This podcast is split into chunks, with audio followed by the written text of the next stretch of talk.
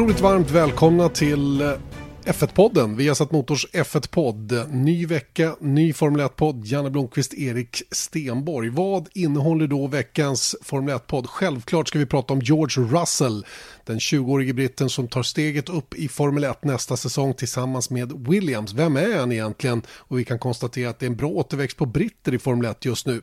Vi tittar lite närmare på det som är kvar av silly season. Det är inte jättemycket kvar nu. Fyra platser kvar att bekräfta innan vi exakt vet hur nästa års grid kommer att se ut.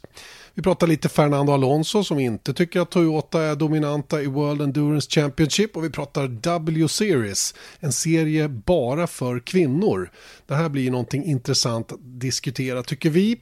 Eh, Lewis Hamilton vill ha Super Weekends, vad är det för någonting och stöttar vi en sån tanke? Vi tar och tittar på nästkommande race, för det är racevecka, nämligen USAs Grand Prix i Texas, där Lewis Hamilton alltså har möjlighet att säkra årets VM-titel.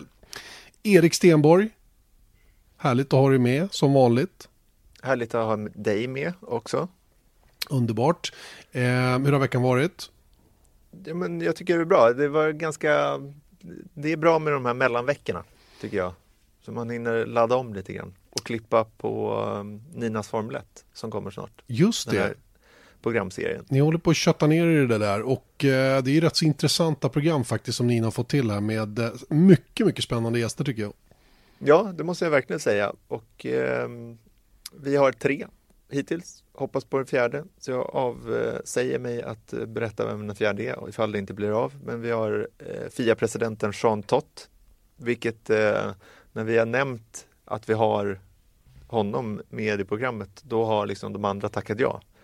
För att det man ska veta är att visst gör Jean Tott intervjuer, men det är sällan som man sitter sätter sig i sitt kontor i Genève där vi var och träffade honom och eh, pratar en timme liksom med eh, eh ja, om karriären och eh, ledarskap överlag. Sen så har vi Gordon Murray, den här designern, designen och Claire Williams också. Så det kommer väl eh, början av november, tror jag att det ska kliva på. Just det, och Claire Williams är ju aktuell då i ett av ämnena som vi ska ta upp längre fram i podden då, nämligen det här med W-series eller ja, W-serien, kvinnoserien, kalla det vad du vill på svenska. Hur den är så, så eh, kommer en kvinnoserie alltså, men det ska vi prata om en liten stund. Ehm, för egen del så kan jag också hålla med om att det har varit skönt med en eh, lite, vad ska jag säga, en speciell vecka där inte ingenting har hänt. Jag gjorde ju faktiskt Japans Grand Prix hemifrån och det gör ju att man får ytterligare en vecka hemma. Eh, och det har varit eh, otroligt skönt måste jag säga. Det, men nu går vi in i en intensiv period istället då med två race på raken nu på andra sidan Atlanten. Och sen hem en sväng bara kortis och sen över Atlanten igen och sen hem och sen ska vi åt andra hållet då till Abu Dhabi innan vi stänger butiken. Jag fattar inte att det är bara fyra race kvar. Nej, Nej det, det, det är förvånande. Ja men, det, det är ja men det är helt sjukt. Alltså, vi, vi, vi, nämnde väl det här senast också att vi tycker att det har gått så fort. Va? Men inte länge som man stod där på försäsongstesterna och liksom tänkte att hur ska det här bli? Nej. Och nu vet och... man i stort sett hur det kommer att bli. Ja, faktiskt. Det är det vi kan konstatera. Men vi kommer tillbaks till Texas lite senare. Någon som eh, Claire Williams är också aktuell i veckan för det var ju då som eh, F2-föraren för ART Grand Prix eh, just nu eh, mästerskapsledare med, jag tror att det är 40... 36 poäng. 36 poäng. 37 poänger med 46 kvar att köra om. Precis. Ja, han, kommer, eh, ha, han har ena handen på mästerskapstrofén eh, i Formel 2-mästerskapet. Han blev då i veckan bekräftad som Williams-förare till 2019 och eh, han har då eh, vann, han är regerande mästare i GP3 och eh, klev upp i Formel 2 till i år. Det var en stor fight mellan honom och den andra britten Landon Norris som ska köra för McLaren nästa år eh, också. Eh, Landon Norris föll av lite därefter han hade blivit eh, bekräftad för McLaren men George Russell har, har krigat på och eh, jag, eh, det är väl mycket, ska väl mycket till att han inte kniper det där mästerskapet i Abu Dhabi som i sista eh, rundan. Just det, och nu spelar det egentligen ingen roll heller längre. Men, men han har ju själv sett det som en, en väldig fördel att Landon Norris blev bekräftad och att han faktiskt har slagit Landon Norris i år, för det är redan klart. Mm. Landon Norris kan inte utmana mästerskapstiteln i år utan han är för långt efter och det, det säger ju en del om, om George Russells kapacitet. Båda de här gubbarna har ju ansetts vara väldigt stora talanger. Sen ska vi inte glömma den tredje gubben som är med i det där i, i jakten på att vinna årets titel, nämligen Alex Albon, som också mm. ryktas vara aktuell för Formel 1 och i sånt fall med Toro Rosso. Han har ju haft lite Red Bull-koppling tidigare eh, och finns nog lite grann i, i, i, i, i sida, vid sidan av så att säga.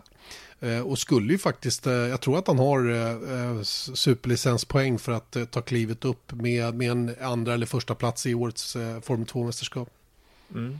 Och han är ju också britt faktiskt, fast Precis. med thai-licens va? Just det, thai thailändsk mamma, brittisk pappa. Mm.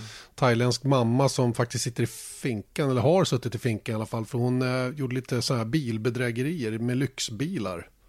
Mm. Det är ju tydligen lite speciellt med att, att köpa en dyr supersportbil i England. För man kan, om man flyttar den utomlands bara och, och kör 50 meter med den så är den betraktad som begagnad och då blir det en annan skatteklass. Och det där kan man tydligen eh, trixa runt lite grann med och då är det ju, det öppnar upp för att göra vissa, vissa typer av bedrägeri i alla fall.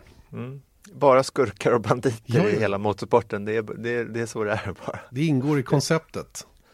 Det är så, det är det, det som skänker lite extra spänning kanske också. Visst är det så. Men du, vi ska fastna lite grann på George Russell tycker jag. För att, eh, och framförallt rapporteringen kring hur han har tagit sig in i Formel 1. Det har ju blivit nästan, det har ju blivit parodi tycker jag på hela, hela framställningen av hur George Russell nu kommer in i Formel 1. Och det här är ju det här är ju en eh, släcka, brand, eh, släcka bränder historia tror jag. För att Esteban Ocon har ju av Mercedes lyfts fram som en kommande världsmästare.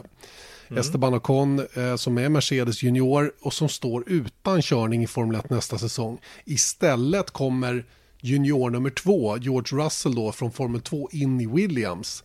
Mm. Och, och eh, har en plats i Formel 1 eh, men inte Esteban Ocon. Och hur, hur får man ihop det här då?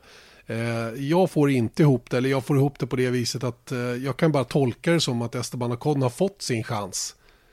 Och, och, nu är det dags för George Russell att visa vad han går för. Mm. Men om vi spolar tillbaka bandet lite innan vi kommer in på det. Det är just den här frågan. Hur, jag menar, om man lyssnar på en intervju med eh, Esteban Ocon med Formel 1 podcast Beyond the Grid. Där säger han att allt, hela min karriär har jag att tacka Mercedes för och Toto Wolf för. För det var de som hjälpte mig dit jag är idag, alltså i Force India. Jag menar, Force India, alla känner till deras finansiella problem de senaste åren. En styrning där är inte gratis. Vilket då betyder ju att det på något vis, om det är nu med eh, billigare motorer eller vad som helst, så har det funnits en ekonomisk transaktion för att få Esteban Ocon i de bilarna, de två säsongerna han har kört där. Nu försvinner ju hans plats i Force India då antagligen Stroll och Sergio Perez kommer bekräftas runt Mexikos Grand Prix. Eh, då har inte Ocon någon styrning kvar. Men bortsett från det då? George Russell, Mercedes junior. Vad jag vet har han inga egna pengar att stoppa in i Williams, för det är det som krävs i Williams, för de är i kanske ännu större, eller nu är de i ännu större finansiella problem än Force India har varit. Så att en plats i Williams är inte gratis. Jag skulle säga att det är den dyraste platsen på hela griden, faktiskt. Skulle kunna vara. Ja. Och eh, jag är helt enig med dig där. George Russell har inte de medel att betala vad Williams vill ha för att han ska köra där. Han har inte fått den här platsen gratis av Williams för det är det sista de klarar av just nu. Att bjuda en förare på en plats i Formel 1. Någon står för fiolerna och i och med att George Russell är Mercedes Junior och Williams kör Mercedes motorer så kan vi ju ganska säkert konstatera att det är en sån transaktion som gäller även i det här fallet. Ja, och det lustiga här är ju då Toto Wolfs mening då att I, I don't wanna open the floodgates om jag ska börja betala för att mina förare ska komma in i Formel 1. Ja men vad är det han har gjort? Ja men det är hårklyveri. De senaste åren. Hårklyveri. Han menar att han inte har betalt, han har gett rabatt. Men det är precis samma sak och det är, jag tycker det är fånigt att framställa det på det här viset. Och, och det är klart att George, så här är det, George Russell är oerhört värd den här platsen i Formel 1, skulle jag vilja säga, först och främst. Han är en sjukt snabb kille, han eh, har mycket erfarenhet från att ha testat Formel 1. Han är en utmärkt kandidat för att köra i Formel 1 skulle jag vilja säga. Och får nu den här chansen. Men varför hymla med hur? Det är det ja. jag inte riktigt får ihop. Alltså jag, jag blir rent av lite, jag blir provocerad av det. För att det är, så, det är så dumt att man ska liksom täcka upp för vissa saker. Eller liksom styra medierapportering. Och en ansedd tidskrift, vem, hemsida som Autosport, liksom bara köper det med hull och hår. Det, det, det, går inte för mig. Det blir, det blir jobbigt att och, och, ehm, vad heter det? smälta. Ja, för, för det, det är just den grejen att men varför de gör det, det var det jag skulle säga. Det är ju för att Ocon står utan. Visst. Och då skulle, om de skulle kliva ut och säga så här att ja, men eh, nu, nu stoppar vi George, nu ger vi George Russell chansen i Williams.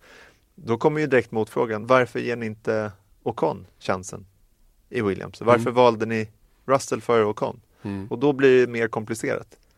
Mycket komplicerat och, och grejen är att de alla spelar ju spelet. Jag menar, Claire Williams säger att de valde, de ville att George Russell skulle köra för dem för att han är så himla bra. Och det må ju vara sant till en viss del. Eh, men det är ju för att den, den, ekonomiska situationen runt George Russell i teamet är väldigt bra. Så de får ju liksom det bästa från två världar. Eh, och sen det här att George Russell säger att ja, men det var för att jag mejlade till Paddy Lowe. Mm. Han, han, ringde. Han ringde då, okej. Okay. Det gör ju stor skillnad. Ja, det är jättestor skillnad. Och, och, det, var det, det var det som gjorde det liksom. Det var därför de valde mig.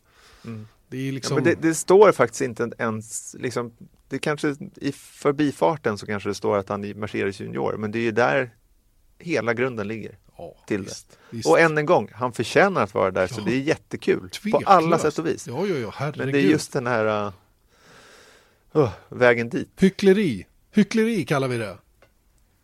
Kan man säga. Like men, men, men apropå det du sa att eh, Ocon då kanske inte har den här täckningen som, som många tror. Min känsla ändå kanske att Ocon har en potentiell plats i Mercedes till 2020. Inte jag. Det tror inte jag. Inte alls faktiskt. Så som det har blivit nu.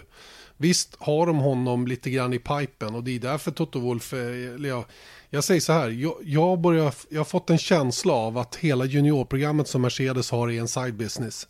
Som de håller på med vid sidan av att driva Formel 1-team. Formel 1-teamet är en egen, har en egen agenda och där är Toto Wolfs agenda att vinna båda mästerskapen och göra det fram till dess att det här reglementet avslutas. Gör han det, då får han en jättestor bonus ifrån Mercedes. Eh, han äger ju faktiskt eh, delar av stallet också. Ja, det, det gör han säkert också med, som, och deläger Formel 1-teamet som då finansieras av Mercedes. Sen har vi då det här juniorprogrammet då så kallade som är då en egen, en egen liten historia där man har ja, testat att eh, supporta ett antal förare för att se vad de tar vägen någonstans. Och, och det är ju liksom, det är ju en eh, och hade det, hade det varit något, något seriöst försök att få in gubbar i huvudteamet, då hade de ju redan suttit där. För det känns ju som att Ocon har ju varit bra nog, minst lika bra som Valtteri Bottas.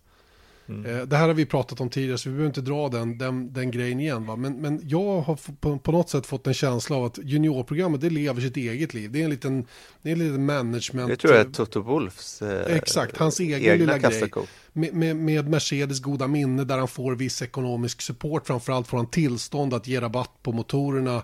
Det vill säga, för det är väl egentligen, jag vet inte ärligt talat om det är så att själva motortillverkningen ingår i Formel 1-budgeten. Eller om det står utanför Formel 1-teamets budget. Det vet jag inte. Det är inte jag heller. Det, det, det låter jag vara osagt. Va? Men, men hur det än är så får han ju hjälp att finansiera de här juniorerna på ett eller annat sätt. Va? Och, eh, för, för, hade de velat mata upp gubbar i, i huvudteamet då så hade de ju kunnat gjort det för länge sedan. Inte ja, minst på bekostnad med... för Valtteri Bottas. Ja, ja, exakt. Men Valtteri Bottas tillhörde ju aldrig Mercedes juniorprogram. Han tillhörde ju Toto Wolfs managementbolag.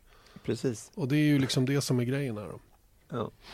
Hur som helst, nu är George Russell där, väldigt kul. Samma sak eh, är det roligt att Lando Norris kommer in i McLaren. Och det innebär också att det är väldigt bra återväxt med britter i Formel 1. I år har vi bara en med Lewis Hamilton. Imorgon, eller imorgon. I 2019 så har vi eh, tre. Exakt. Kanske fyra. Om Albon kommer in. Till exempel. Och om man bortser från att han har thailändsk licens, tror jag att han har. Just det, jo, men det har han. Det har han. Ja, men det är sant. Och en annan sak som jag tycker är intressant då med, med det senaste utnämningen då av Russell till Williams, det är att vi saknar inte de unga talangerna i Formel 1. Det har ju varit väldigt gnäll om att förare av hög kapacitet inte kommer in i Formel 1. Vilka då? Undrar jag då. För att nu har vi verkligen en riktigt, riktigt stark kärna av unga, duktiga förare. Vi har, som du var inne på innan vi började där, Charles Leclerc. Vi har Antonio Giovinazzi som kommer in i år. Vi har Lando Norris. Vi har George Russell i Formel 1 just nu då. Eller från och med nästa säsong. Vi har haft Esteban Ocon. Mm. Eh, och sen har vi då Lance Stroll. Vi kan väl ta med honom i det här gänget. Och han har ju ändå vunnit Formel 3 EM och gick därifrån raka vägen in. Vi har Max Verstappen i Formel 1. Han är ju veteran trots att han är 20 mm. år gammal. Men han vi har till, Gasly. Ha, vi har Gasly. Vi har de unga killarna där. Mm. Så, så att jag menar, varför pratar man ens om att de unga talangerna inte får chansen? De får ju chansen. De får chansen mm. i, i stora mått, skulle jag vilja säga. Eh, sen är det såklart att en sån som Ocon om han nu åker ut är en stor förlust för Formel 1. För den killen är väldigt, väldigt stark och, och mm. har absolut ett berättigande i Formel 1. Men inte med de förutsättningar som han har haft hittills. Han måste skaffa sig en annan plattform för sin fortsatta karriär. Och den, den kommer, det blir ju väldigt svårt för honom att lösa. Va? Titta på en sån som Sergio Perez som tillhörde Ferrari Driver Academy från början. Hoppade av det när han gick till McLaren. Och sen har han ju då vid sidan av haft en väldigt stark sponsorbas som har gjort att han har kunnat hänga kvar i Formel 1 eh, i, i kombination med väldigt bra resultat då, även fast han störtdykte då under året i McLaren. Mm. Absolut, men det, det som jag tror kanske är att om man tittar på svenska perspektivet där många då är frustrerade över att till exempel en sån som Felix Rosenqvist inte har fått chansen eh, och antagligen då inte kommer få chansen i Formel 1 så som det ser ut. Men hur gammal är Felix nu? Ja, vad kan han vara? Snabb googling på Felix ger oss Medan du gör det är ju att anledningen till att han inte har fått chansen, det är såklart väldigt mycket omständigheter. Om vi, om vi liksom räknar till Felix i det här gänget som vi pratade om precis, så var ju nog hans problem lite att det tog fyra år för honom att vinna Formel 3. Och efter det, när han liksom gjorde det och började liksom gå åt andra håll, då känns det som att verkligen har lossnat för Felix, i min känsla. Men jag tror att ett, något av ett ok för honom var den här kopplingen till Mercedes och att det tog så pass ändå lång tid för honom att vinna Formel 3. Hade det gått lite snabbare där, hade han suttit i Prema direkt, då hade skäligen i alla fall hans eh, karriär kunnat se väldigt, väldigt annorlunda ut sett till F1-ambitionerna, tror jag. Visst är det så. Sen finns det en annan eh, faktor när det gäller just Felix. Det var inte bara han som var talang på den tiden. Det var, ju, det var ju väldigt många andra också. Och Pascal Wehrlein till exempel var ju en som passerade runt då. Eh, och tog, tog steget upp i Formel 1 och även om hans Formel 1-karriär inte blev speciellt långvarig så, så, så gjorde han det trots allt. Va? Och, och, och det, Ocon är en annan, ja precis. Va? Och, och, jag vet att till exempel Felix håller ju Ocon på en väldigt, väldigt hög nivå. Men problemet för Ocon är att lägga äggen i samma korg på det här viset, vilket han har förmodligen varit tvungen till. Han, det är hans enda möjlighet att köra Formel 1. Så, så, så blir resultatet att han kanske nu står utan för att den andra delen av infrastrukturen inte finns runt omkring honom. Och då är vi ju tillbaka till det här med att en förare utan sponsorship kommer, eller sponsorship utan eh, finansiering. Eh, utan finansiering så, så är det liksom eh, då, då, är man inte kvar i Formel 1, så enkelt är det. Jag menar en sån som Sergio Perez som vi alla betraktar som en väldigt bra förare och väldigt, väldigt etablerad skulle inte köra en meter utan sitt, uh, utan sitt uh, sponsorship. Nej, så är det bara. It's as simple as that.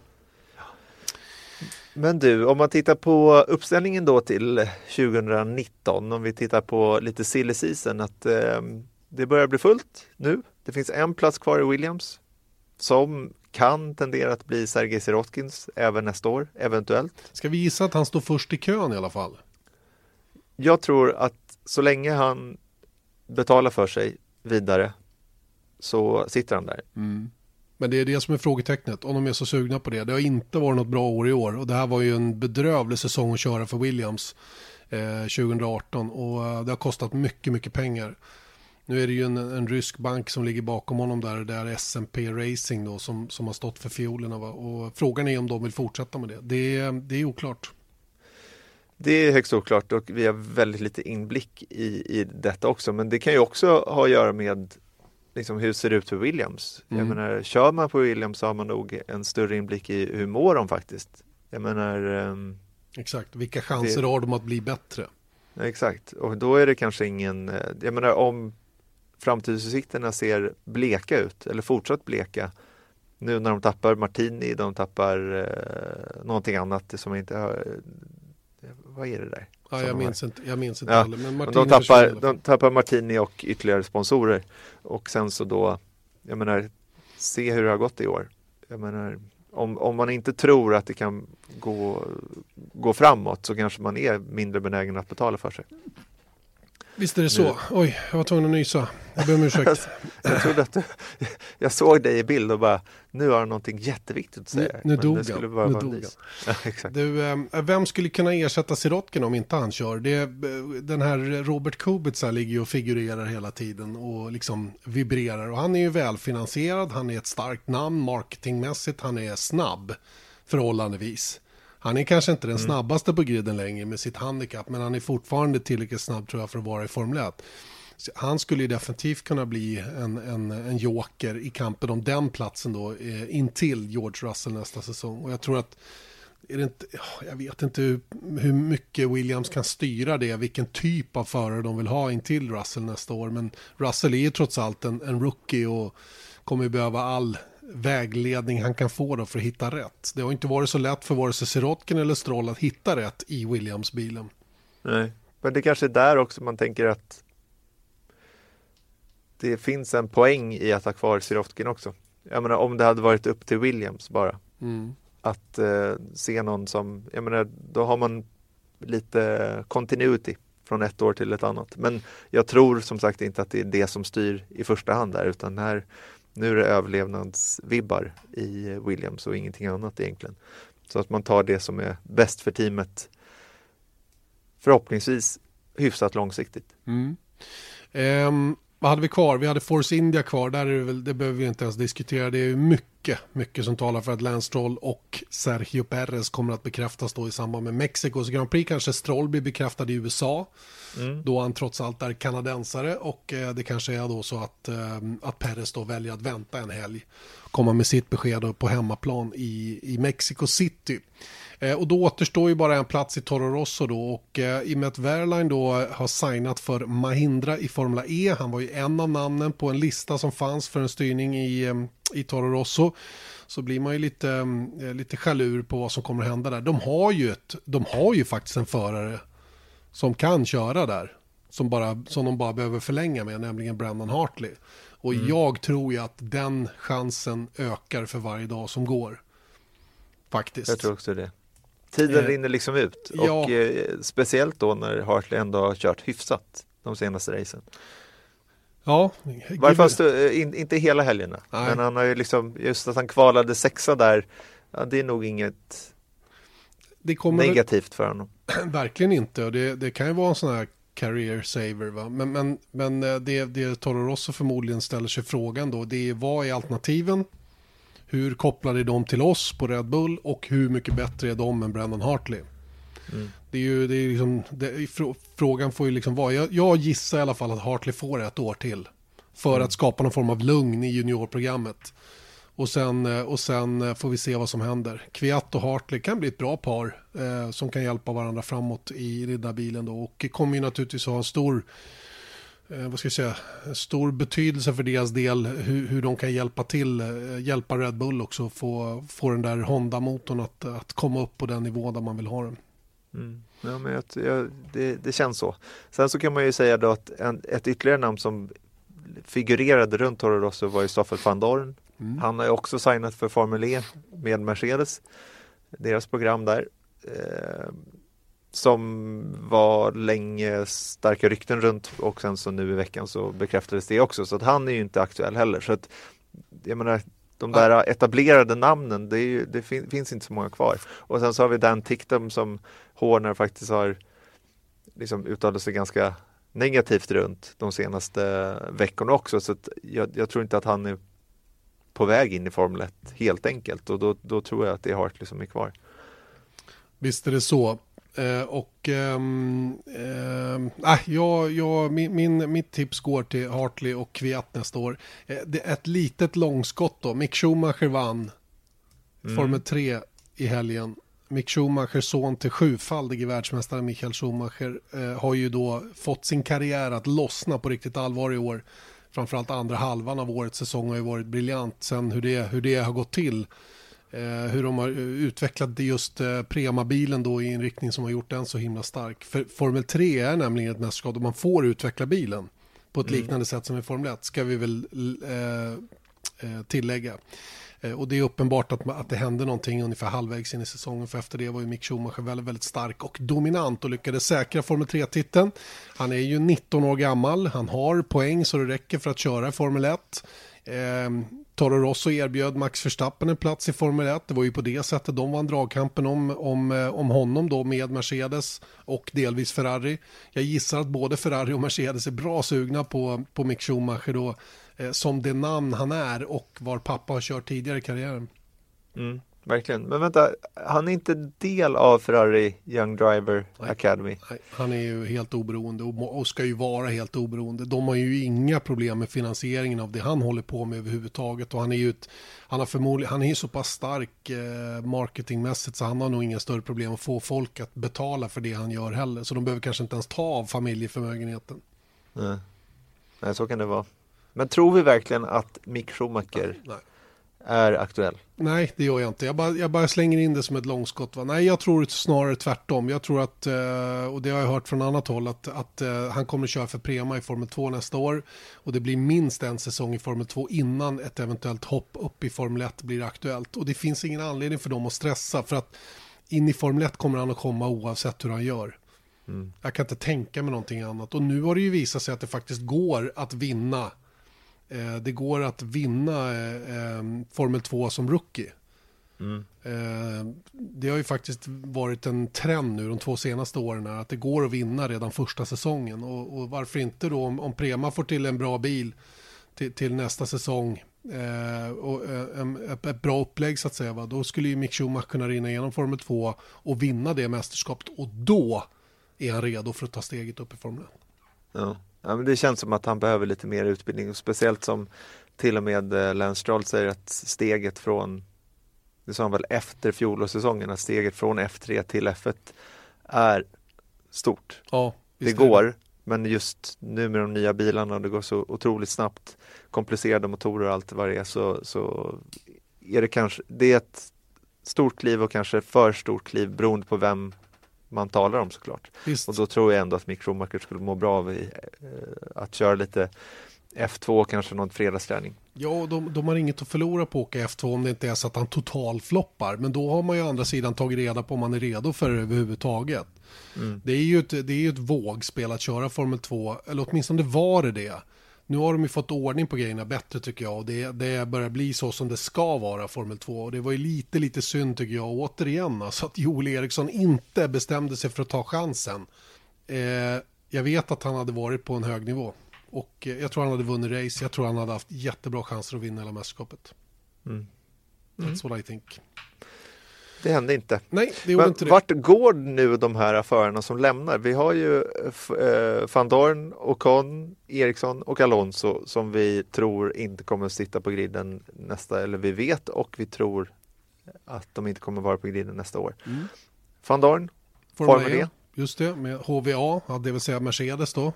Det ja. som blir Mercedes eh, fabriksteam i, i Formula E.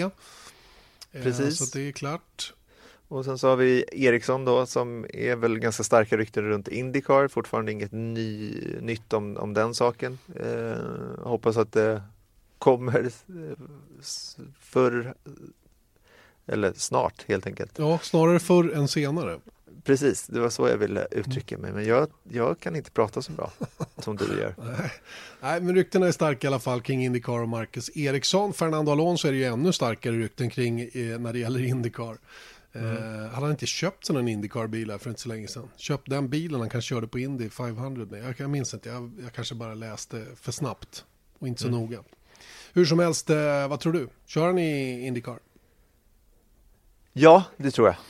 All right. För jag vet inte vad han annars ska köra. Nej, han kanske inte vill köra mer än någon enstaka race i Indycar, väljer att satsa på Indy 500 och ja. Eller så, ja, kör så han full, eller så kör han full säsong och kombinerar det med att fortsätta ihop med Toyota. Jag tänker bara på att, att han eh, testade ändå för några veckor sedan på en icke-oval. Mm. Det tycker jag liksom varför, why, why bother? Om man inte har någon större tanke med det. Nej, jag, jag håller med dig. Det verkar ju det verkar, verkar dumt. Men, men å andra sidan, han, han, kan ju, han har ju som frihet. Han kan ju göra lite vad han vill på något sätt. Och um, om han bestämmer sig för att åka Indycar så, så gör han det bara. Det är inga konstigheter. Dock får han göra det med en Chevrolet-motor. Precis. Mm. Men ja, vi, vi eh, det, det, som jag är lite förvånad runt hela den här grejen är att det inte redan är bekräftat. För varför inte?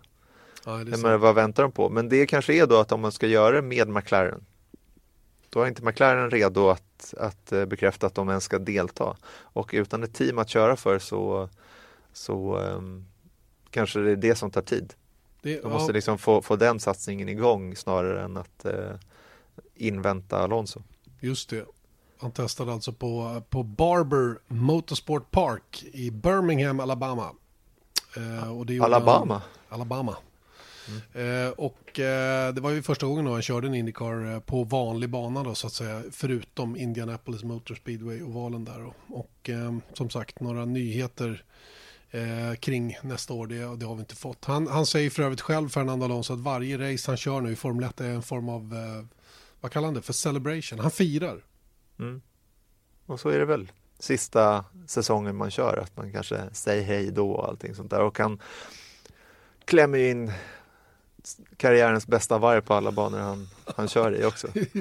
är... Så det är, väl en, det är väl ett sätt att fira, absolut. Han firar hejdlöst. Han, eh, ja, vi, vi får väl glida in på det då, det han sa nu i helgen. Han är ju en mm. citatmaskin just nu. Mm. Och eh, han, eh, han klämde ur sig att Toyota i World Endurance Championship inte är så dominanta sett till bilen. De är bara bättre på att genomföra racen än konkurrenterna. Det var han väldigt tydlig med och det är ju sånt som i, i allmänhet alla skrattar åt. Det blir ju ett, ett fånigt uttalande såklart eftersom det inte stämmer överhuvudtaget. Eh, och jag, jag har ju varit inne på det tidigare att han driver med oss i media. Han, han, eh, han testar hur långt han kan gå. Hur länge och hur befängda saker kan jag säga innan de slutar att skriva vad jag säger? Jag tror inte det. Tror inte? Jag tror bara, nej, jag tror att han vill, han, han, jag tror att han tänker att det, det här är smart att jag säger det. Att jag liksom försöka sätta perspektiv på nu när han säger att han vill bli världens bästa förare i alla kategorier genom alla tider. Då måste han ju höja det så att folk börjar tro på det. Mm. För att jag menar visst, så fort han eh, jag menar, hans rykte runt Formel 1, jag menar senaste gången han vann F1-VM var 2006. Mm. Så att det var ganska länge sedan och sen så då vann han Le Mans med Toyota då som är dominanta i LMP1. Jag menar, det är det enda fabriksteamet som är kvar. Ja, men det är ju det är som de natt och dag. De är ju, vad är de, tio sekunder snabbare över ett kvalvarv. Ja, jag, typ. jag, det, jag, kan inte svara på det, Nej, men, men, De, är, de är dominanta sett i bilen. Det, är liksom, det finns ingen snack. Antingen så är det hans bil eller den andra systerbilen som ska vinna. Mm. Jag menar, det, det finns inga alternativ så länge de håller ihop det. Så att då kanske när han vann då Le Mans i år så måste han liksom sätta det i perspektiv, perspektiv så det låter bättre. Mm, så att han kan så. bli den här bästa. Men det jag tycker att han gör är att, att, just den där sista grejen runt att Toyota inte är dominanta. Det är ju fake news så in i bängen. Alltså det, han skämmer ut sig tycker jag. Mm. När han säger sådana saker. Mm. Det är bättre att bara låta det vara. Varför måste han ens säga det? Mm. Sen så tycker jag efter kvalvaret på Suzuka och han säger att det är det bästa han har gjort i karriären. Då kan man säga så här att det här var ett väldigt, väldigt, väldigt bra varv och det är eh, frustrerande för mig att se att det bara räcker till P18. Men så är det. Men eh, jag är nöjd med min egen prestation. Tack! Och så går han vidare. Mm. Jag menar, det, det, behövs inte mer än så. Men för att han har han... så gott rykte ändå. Jag tycker att här naggar hans rykte i kanten istället. Han är inte svensk vet du, så han öser på lite. Ja, fast det här, jag tror inte går hem i Spanien heller faktiskt. Ja, ja, I stick with my, my theory. Jag tror att han driver med oss. Jag tror att han bara, han liksom bara använder media för att se hur långt han kan, hur långt han kan sträcka det. För maken till befängt uttalande som det senaste är. Eh, visserligen vet ju han att det når ju även andra, förutom motorsportnördar, så att säga, sådana som har kunskaper. Och de, de kanske köper det här. Och det är möjligen dem han försöker att fånga in då med, med ett sånt där säg så att säga som, som då lyfter den egna prestationen ännu lite till. Jag, jag tycker att det är svårt att argumentera mot fakta. Jag ja, menar ändå. Så, så är det är där jag menar att det är bara dumt. Visst. Jag menar, det, är ju plain and simple lies. Kanske inte så himla allvarliga sådana, men det är ändå så. Något som vi släpper honom. Ja, vi gör det. Vi gör det.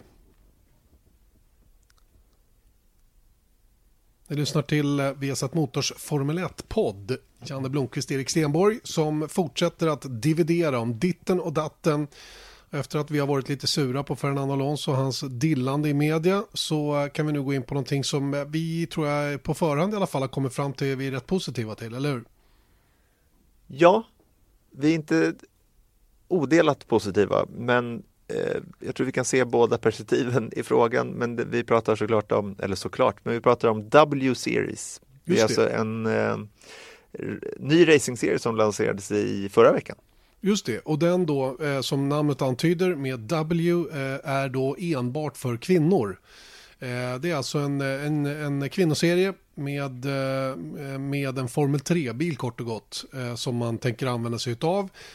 Den här serien som kommer att vara fullt finansierad, det vill säga inga av de som deltar i det här mästerskapet, 18 20 stycken, kommer att behöva ha med sig några egna pengar. Däremot kommer det att finnas en uttagningsprocess som kommer att vara eh, grundlig, minst sagt, och med duktiga domare Bland annat eh, finns David Coulthard med bland de som kommer att vara med och bedöma vilka som ska få köra den här serien.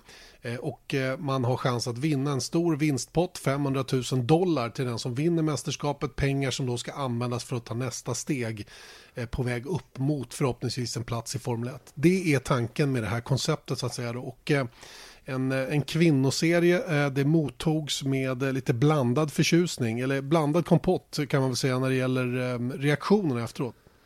Ja, eh, det kan man absolut säga och det är många många kvinnliga förare faktiskt, inklusive Pippa Mann som har ju kört eh, Indycar. Hon kör väl, vad, det hon, inte... hon kör väl Indy 500 en gång om året typ?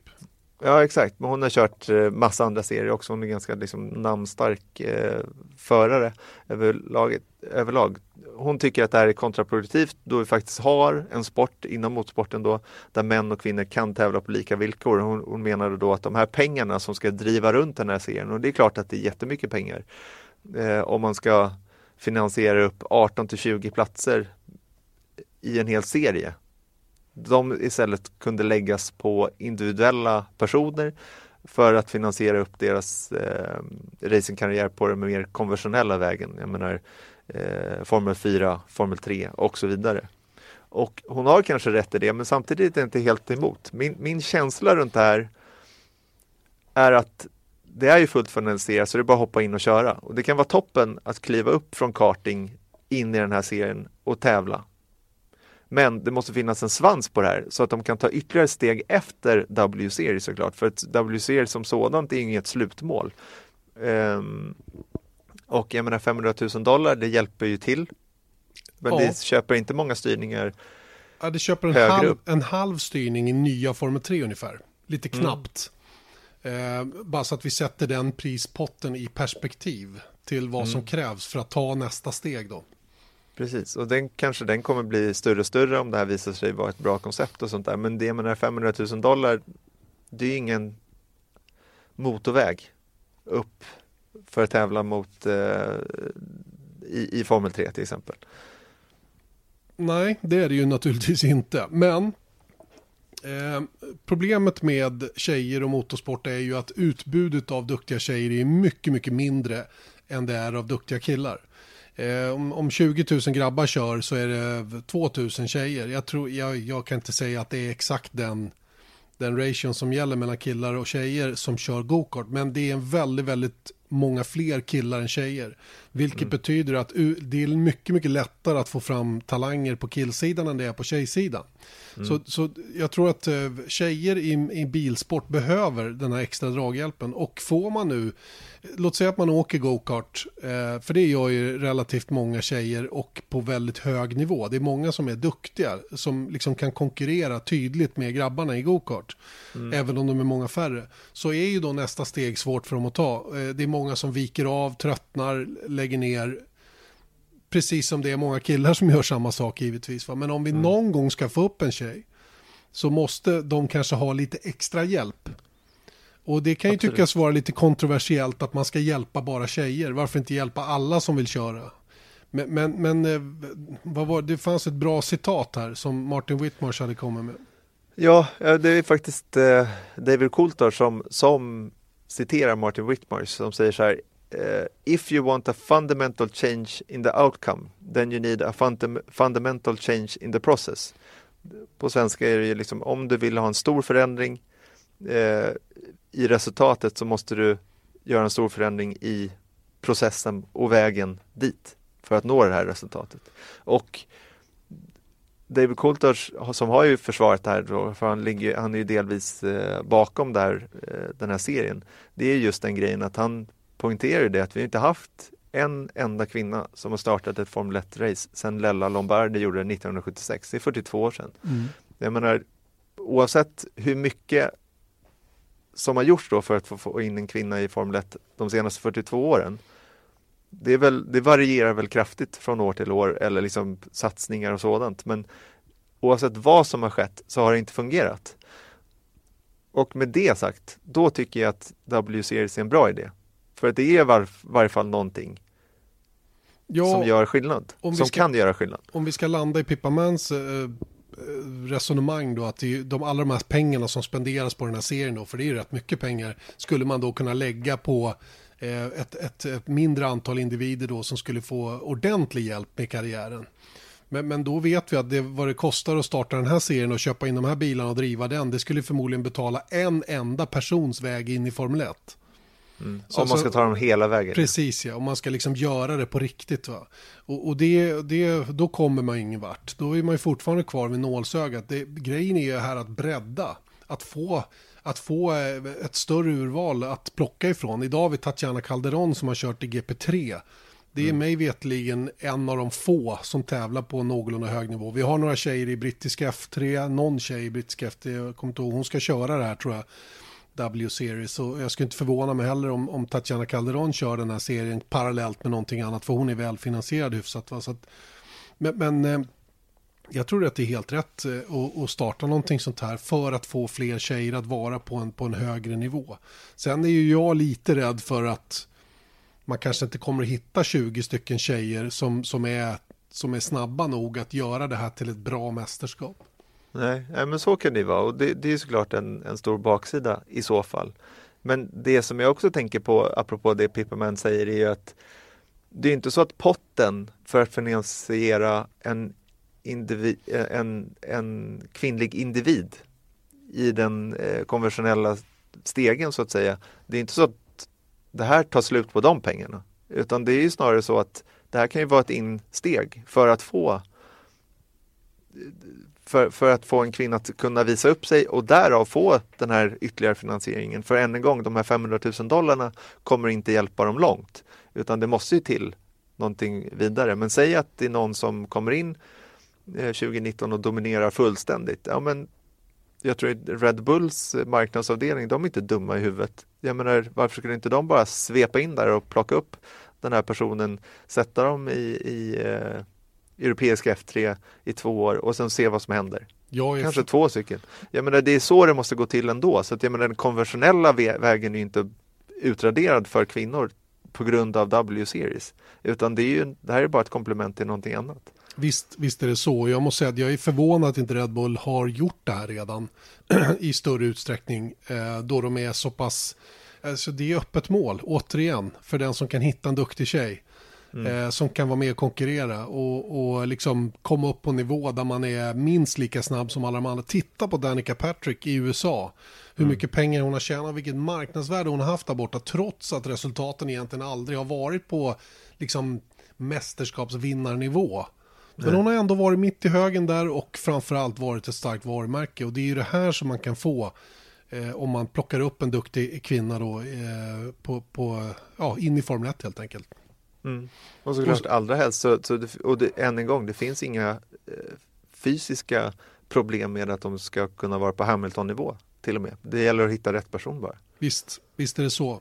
Och sen om vi lägger till då det faktum att man tittar på att utveckla det här till att köra en, en W-series Asia, en W-series America och så vidare. Va? Ja, helt plötsligt har du kanske möjlighet att uh, ha hundra tjejer mm. igång samtidigt i olika mästerskap runt om i världen. Mm. Då, då börjar det ju verkligen att bli eh, lite ett urval att plocka ifrån. Mm. Hur ska vi sammanfatta det här då? Vi förstår kritiken, men vi tror i grunden att det är någonting bra. Ja, är det bra? Jag, jag håller med. Jag håller med. Jag håller med. Ja, det är aldrig bra med segregering.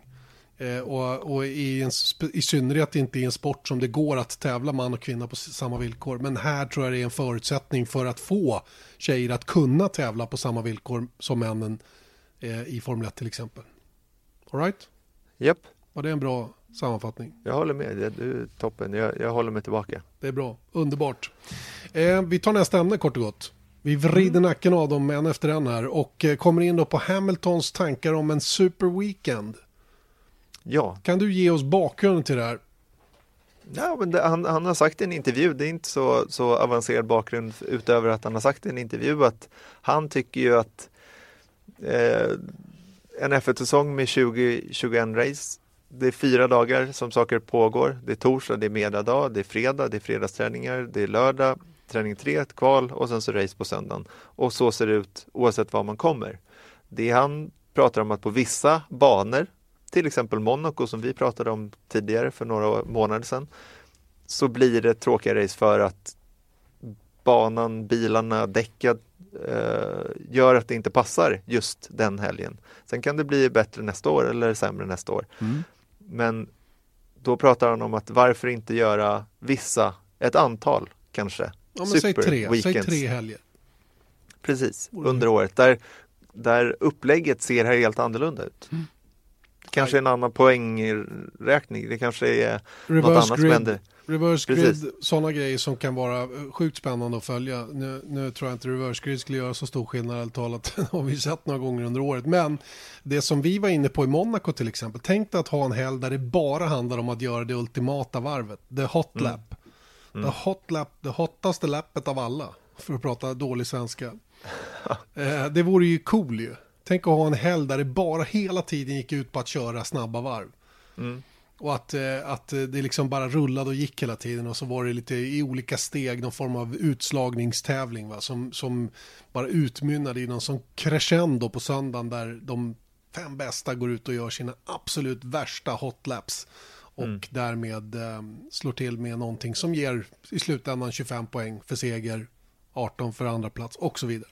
Mm. Coolt ja, men, ja, alltså som ett eh, glorifierat kval kan man säga. Verkligen, ungefär. mycket bra. Men, men, men det är den här grejen att, att uh, det som Hamilton tar upp där, han, det, min upplevelse av det här är att han tar det lite från höften, liksom att så ja, men varför inte reverse grids? Att uh, man får, han som leder VM får starta längst bak till exempel.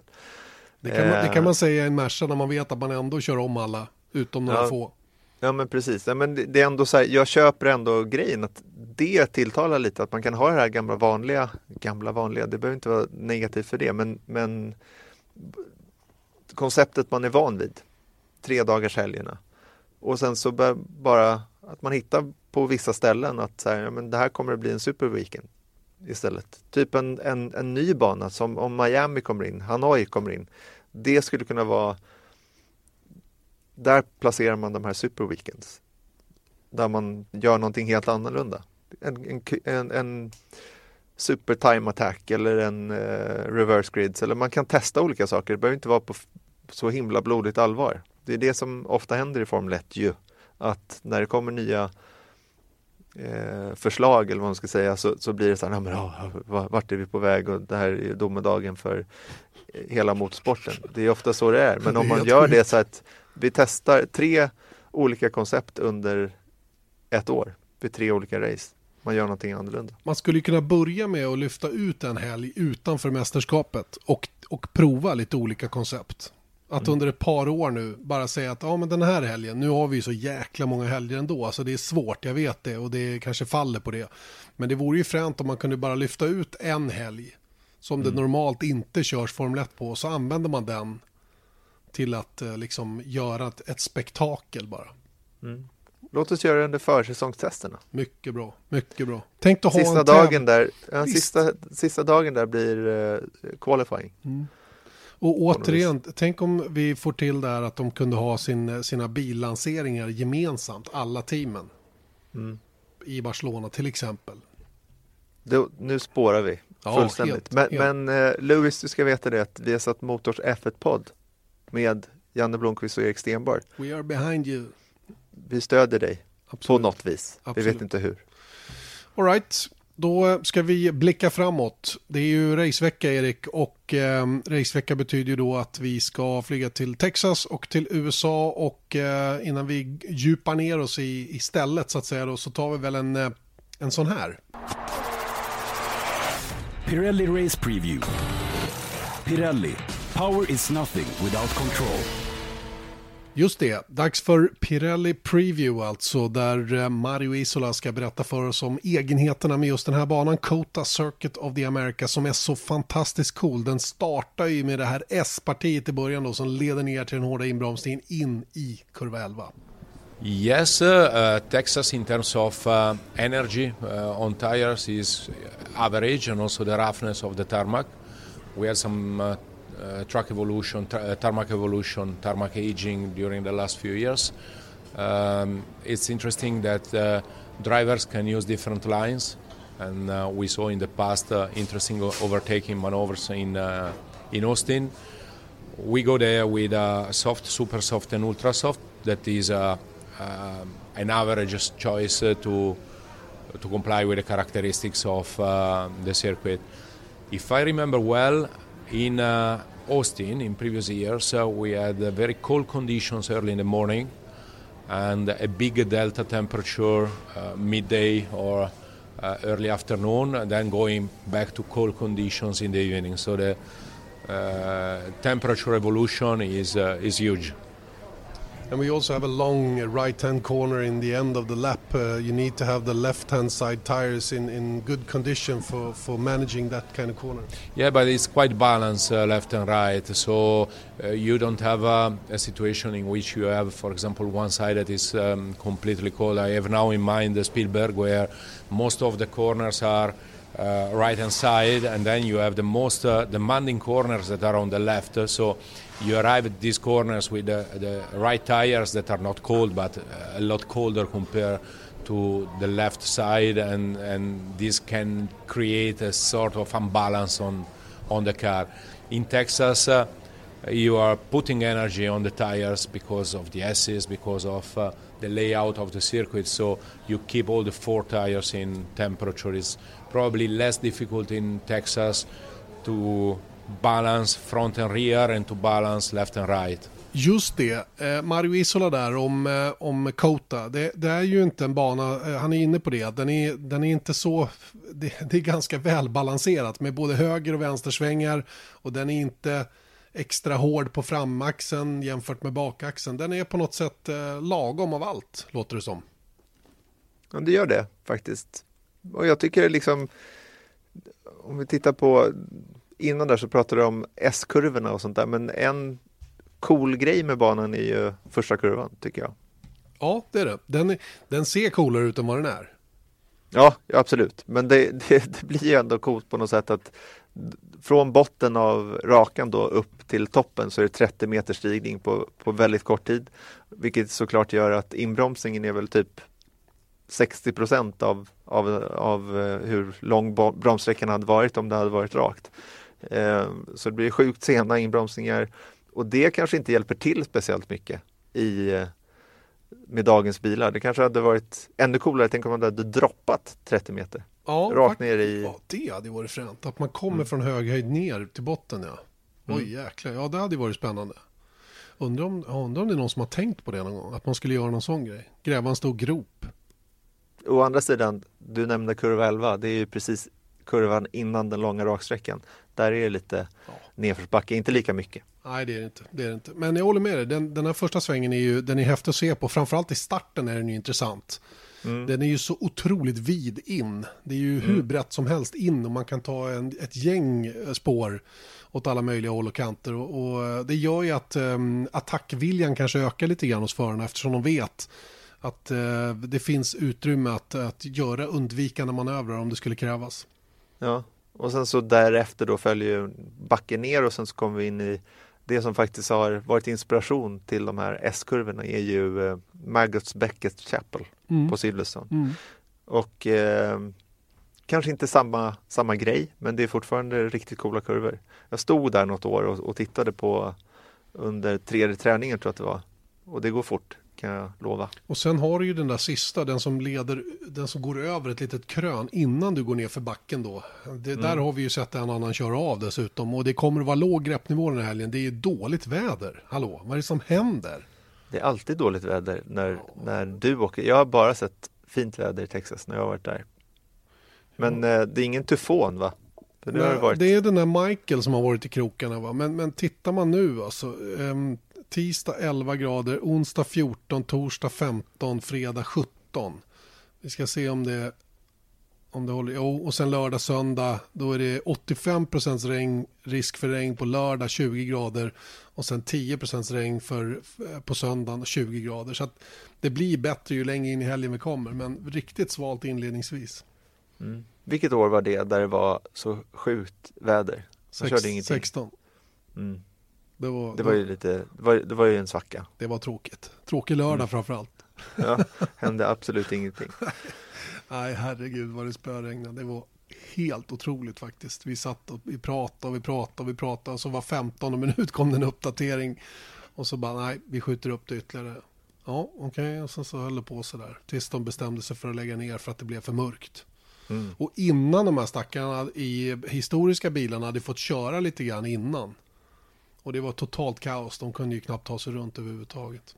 Ja. Men, men eh, överlag tycker jag det är kul att åka till Texas. Det har vi säkert nämnt hundra gånger för den som inte lyssnar på podden eller lyssnar på våra sändningar eller läser bloggar eller vad det nu är. Så kan vi berätta då att vi har ju det här som lite favoritställe, eller hur?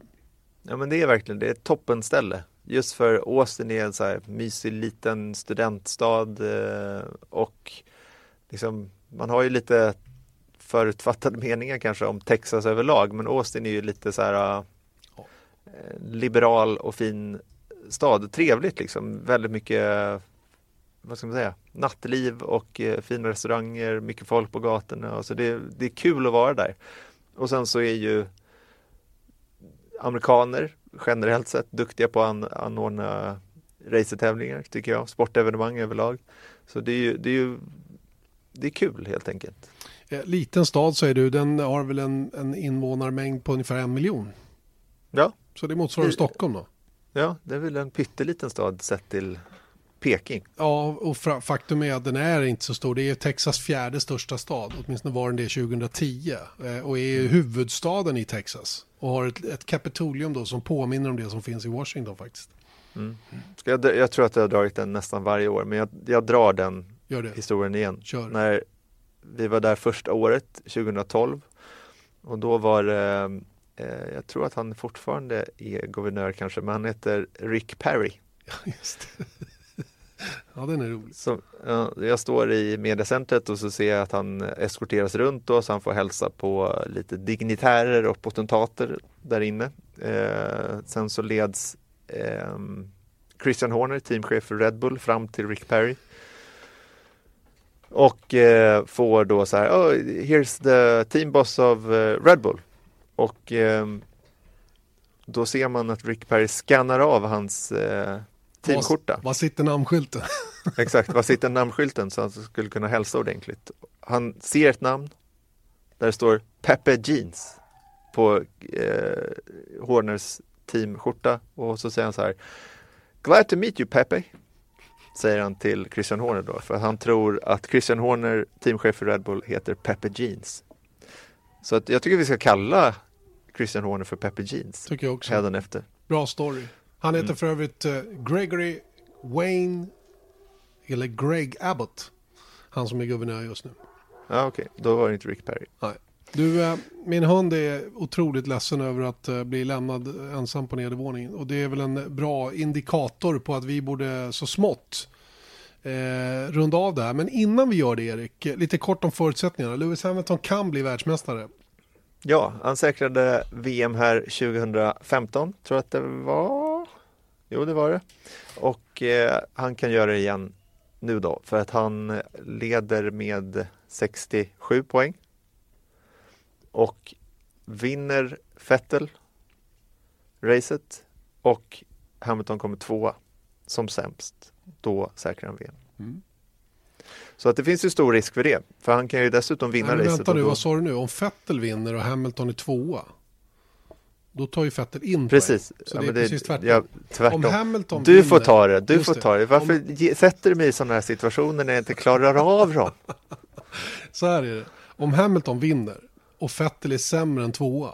Då Precis. säkrar Lewis Hamilton VM-titeln. Är Vettel tvåa däremot bakom Lewis Hamilton. Då lever det, då lever det ytterligare en helg. För då är det en poäng till godo. Ja. Så är det. Det var ju så jag menade, jag ja, fattar jag inte. vet, Ah. jag vet, jag vet. Ja. Men jag menar, det är inte så lätt att hålla rätt på de här sakerna. Men eh, så är det i varje fall. Så Mm. med stor sannolikhet så har eh, Lewis Hamilton redan säkrat VM-titeln. Men han har inte gjort det eh, i, i rent praktiskt än. Han, han måste alltså eh, ta mer än åtta poäng på eh, Vettel i Texas för att göra det i USA. Annars kommer det att ske i Mexiko istället. Tror vi. Men Mm. Så, de, det vet vi. de vägrar ju att ta någonting för givet. De har fortfarande McLarens meltdown från 2007 kvar i bakskallen. Ja. McLaren Ja, som visst, hade, ett, de hade ju faktiskt en sån här ledning i stort sett alltså, som bara brann inne alltihopa. Ja. Eh, och där Kimi Räikkönen eh, snifflade förbi alldeles i slutet och vann med någon enstaka poäng där. Och de båda McLaren-förarna som på den tiden var Fernando Alonso och Lewis Hamilton hamnade på samma poäng. Litet reportage om detta kommer faktiskt. En liten på. återblick man på. kommer på lördag eller söndag. Det har vi inte bestämt än. Du, vad händer i övrigt i våran sändning i helgen? Kan man få reda på det? Jag som ändå jobbar med det. Eh, du får reda på det snart kan man säga. Nej, men det blir bra grejer. Vi, vi kommer såklart fokusera på sjunde platsen i VM. Vi ska reda ut hur viktigt det faktiskt här är för eh, respektive person som fightas om sjunde platsen i VM. Det är alltså Best of the Rest BVM. Eh, sen så har vi George Russell såklart. Ska vi prata med. Presentera honom lite. Han får berätta hur han tänker och känner runt sin F1-debut 2019 och sen så um, den här uh, McLaren meltdownen, en återblick ska vi göra. Titta närmare på banan och allt möjligt. Sen så har vi lite annat i pipen som vi inte får, uh, har fått uh, svar på än riktigt. Nej, vad kul. Det ser vi fram emot. Och Mm. jag packar väskan kort och gott. Och drar mot the United States of America. Får vi se om Härligt. det kommer någon president och besöker Sauber i år. Precis, du har ju en ännu bättre story där. Vi kan hälsa på Bill Clinton. Ja, ja, Bill Clinton och jag vet Vi var tajta. Ja, ja, hur som helst, den har ni hört och den är gammal så den struntar vi. Vi säger därmed eh, tack och på återhörande. Vi är tillbaka med Formel 1-podd om en vecka igen. Tills dess, hej då!